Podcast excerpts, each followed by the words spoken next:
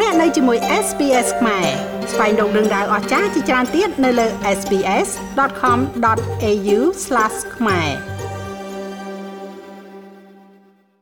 កាលពីព្រឹកថ្ងៃទី26ខែឧសភា កម្ពុជាបានរៀបចំទិវារំលឹកវិញ្ញាណក្ខន្ធជូនកងកម្លាំងរក្សាសន្តិភាពដែលបានពលិជីវិតក្នុងអំឡុងពេលបំពេញបេសកកម្មក្នុងក្របខ័ណ្ឌកងទ័ពមុខហៀវរបស់អង្គការសហប្រជាជាតិ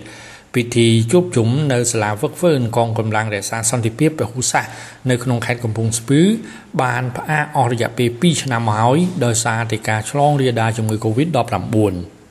ពិធីជួបជុំនេះចូលរួមដោយមន្ត្រីជាន់ខ្ពស់របស់រាជរដ្ឋាភិបាលកម្ពុជាមន្ត្រីមជ្ឈមណ្ឌលជាតិរក្សាសន្តិភាពតំណាងអ្នកសម្របសម្រួលអង្គការសហប្រជាជាតិប្រចាំកម្ពុជាតំណាងស្ថានទូត និងក្រុមគ្រួសារវីរៈយុទ្ធជនកម្ពុជាដែលបានពលីជីវិត។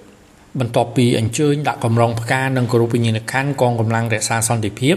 លោកប្រាក់សុខុនឧបនាយករដ្ឋមន្ត្រីរដ្ឋមន្ត្រីការបរទេសកម្ពុជាបានលើកឡើងថាទិវាអន្តរជាតិរំលឹកវិញ្ញាណក្ខន្ធកងកម្លាំងរក្សាសន្តិភាពនៅពេលនេះគឺជាព្រឹត្តិការណ៍ដើម្បីគោរពវិញ្ញាណក្ខន្ធយុទ្ធជននិងយុទ្ធនារី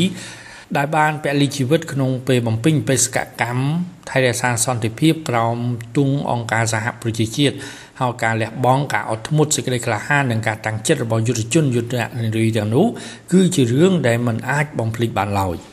លោកប្រាក់សុខុនបញ្ជាក់ថាថ្ងៃនេះលោកបានទៅគោរពវិញ្ញាណក្ខន្ធនិងឧទ្ទិសកុសលជូនដល់កងកម្លាំងរក្សាសន្តិភាពរបស់អង្គការសហប្រជាជាតិជាង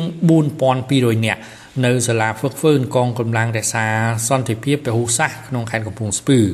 ការលះបង់និងពលីជីវិតរបស់ពួកគាត់គឺមានអត្ថន័យធំធេងមិនអាចកាត់ថ្លៃបាន និងបំភ្លេចបានឡើយ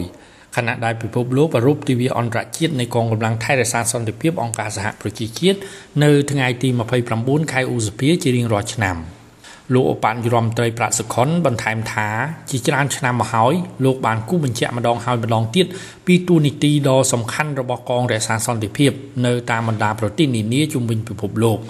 ដោយសារតែកម្ពុជាធ្លាប់ទទួលកងកម្លាំងទាំងនោះកាលពី30ឆ្នាំមុនលោកពិតជាមានមោទនភាពយ៉ាងក្រៃលែងនៅពេលដែលប្រទេសយើង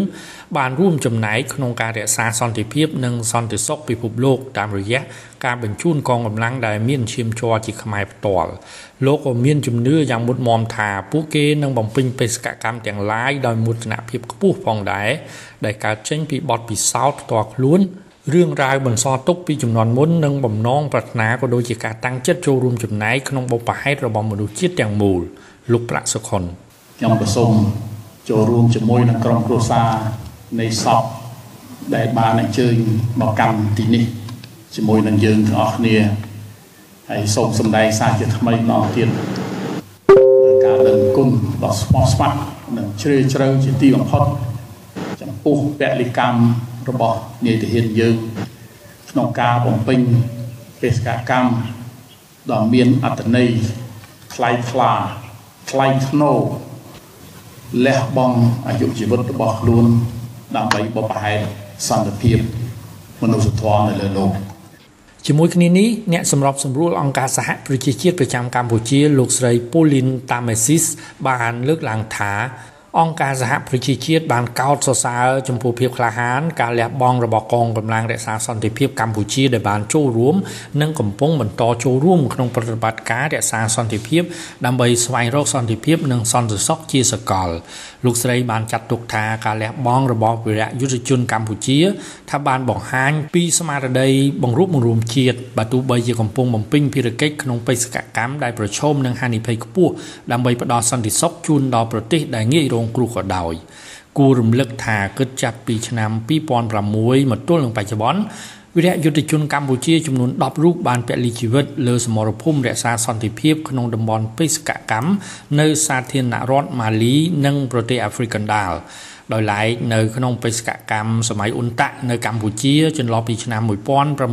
1992ដល់ឆ្នាំ1993ក៏មានកងកម្លាំងរក្សាសន្តិភាពទាំងយោធានិងស៊ីវិលសរុប82នាក់បានពលីជីវិតក្នុងទឹកដីកម្ពុជា